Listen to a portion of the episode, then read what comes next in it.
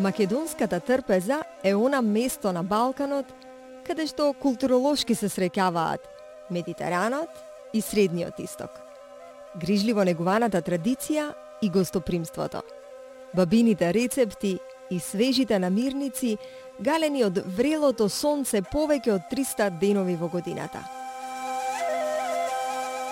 Добре дојдовте на Македонската трпеза подкаст посветен на македонската традиционална којна.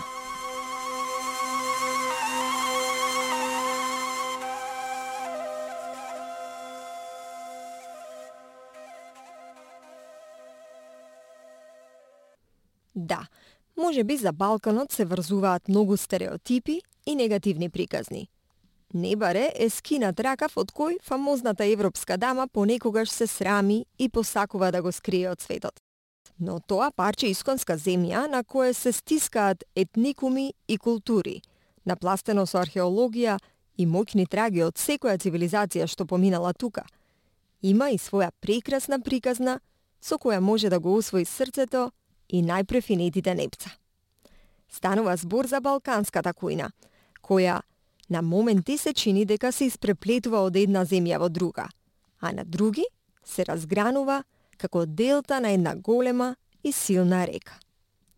Во секој случај, во развиениот свет, во кој брзиот начин на живот стана правило, стресот цена за успех, а квалитетот и нутритивната вредност на храната станаат длабоко компромитирани, балканската гастрономска бајка е на добар глас. Впрочем, Балканот, а и Македонија како дел од него, се лулка на агробиодиверзитет – и дом на со векови стари сорти, чие зачувување, афирмација и пренесување од генерација на генерација е денеска повеќе од аманет. Верувајте, многу луѓе не знаат што се ние имаме во нашите држави, конкретно еве во Македонија. А, дури не само од научен аспект, дури знаат дека имаме, например, многу разновидни гравчиња, со различни шарени зрна, обоени зрна. Ние сме секогаш најмногу запознати само со белиот тетовски грав. Запознајте ја доктор Сонја Ивановска, редовна професорка по генетика на Факултетот за земјоделски науки и храна во Скопје.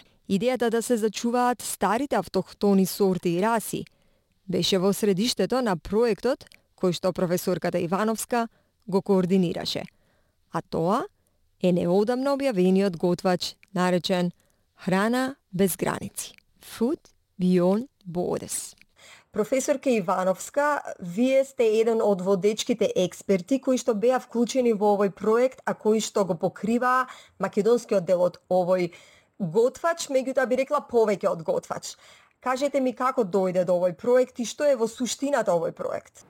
Вака, значи, пред да а, печатиме овој готвач, пред да добиеме идејата за него, а, предходеше еден друг проект кој што беше финансиран од ГИС, од Германското друштво за меѓународна соработка, во кој што правевме студија за агробиодиверзитетот, повторно во шест овие шест земји што се прикажани и во готвачот.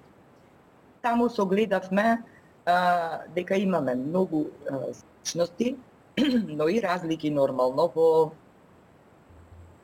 како во растенијата што ги одгледуваме, културите што ги одгледуваме и нивното користење во храната. И токму затоа идејата а, произлезе од ГИС, повторно, од колегите кои што соработуваа и на студијата, дојдоа до идеја дека може да составиме еден ваков готвач на македонски би го превела како храна без граници, а, што е и многу типично за Балканскиот регион, заради тоа што ние овде имаме многу слични јадења во повеќе земји. Идејата беше да се прикажат а, практично старите сорти преку а, некои специјалитети. Бидејќи така, на тој начин би можеле многу повеќе да ги доближиме до обичниот читател, и да му прикажеме дека тие стари сорти имаат огромно значење како за зачувување на нашата традиција, на вкусот, квалитетот на нашите јадења, например, Исто така и за зачувување на растителниот диверзитет кој што се одржал многу векови и ние сме тие што треба да ги одржиме и понатаму, да не ги изгубиме. Најдобро се одржуваат, се зачувуваат кога се користат. Тоа е најсигурниот начин за да се задржи а, некое растение, некоја култура, некоја сорта во овој случај. И токму затоа, преку овој готвач, се обидовме да доближиме неколку рецепти. Секако дека тие рецепти може да се готват и со и со други а, сорти, меѓутоа да ги доближиме тие рецепти до а, читателите, до, до јавноста, а, за да преку нив се запозна со тие стари сорти. Значи, од таму потекна идејата да го представиме ова преку шест рецепти од секоја земја, шест земји, нели по шест рецепти, 36, да не биде преголемо изданието. И за секоја рецепта да си представиме по една сорта од доска култура или пак по една раса од стара раса од домашно живот. Може ли да се зборува за карактеристики, специфични карактеристики на балканската храна, во која вклучуваме нели македонската, по која што таа се разликува од другите кујни во светот? Балканската храна има пред големо влијание од тоа што нели ние тука сме биле пет века под турците. така. Они ни пренеле многу обичаи и традиции ме, сме ги патиле.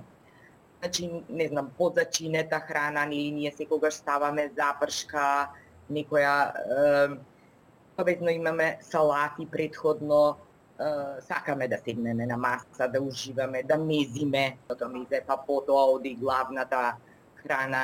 Многу јадења се подпекуваат, се спремаат во тава, малце се покомплицирани секогаш балканските, дали е сарма или е дроп сарма или што иде, да е покомплициран начинот и подолг начинот на подготовка. Меѓутоа, а, не се сите јадења такви и, и не во сите држави а, има такво влијание. Да кажеме, еве се а, се разликува малку а, Црна Гора, каде што а, едно поголемо медитеранско влијание, многу повеќе, исто и Албанија. Значи, многу повеќе се користи морската храна, таму повеќе се варат, само се динстат, не секогаш се пржи тоа, се пече, нели, зависи на најслични сме, да речеме, Македонија, Србија и Босна и Херцеговина. Би биле најслични како за некоја типична балканска храна, веќе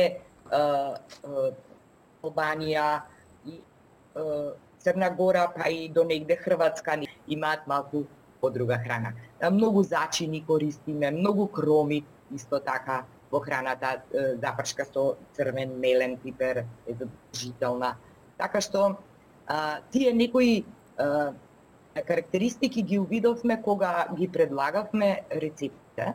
Јас бев уредник и координатор на целиот проект и се обратив до колегите со кои што и предходно соработувавме да предложат по неколку рецепти кои што ќе бидат составен дел на готвачот и се случи да еден дел од нив се преклопуваат.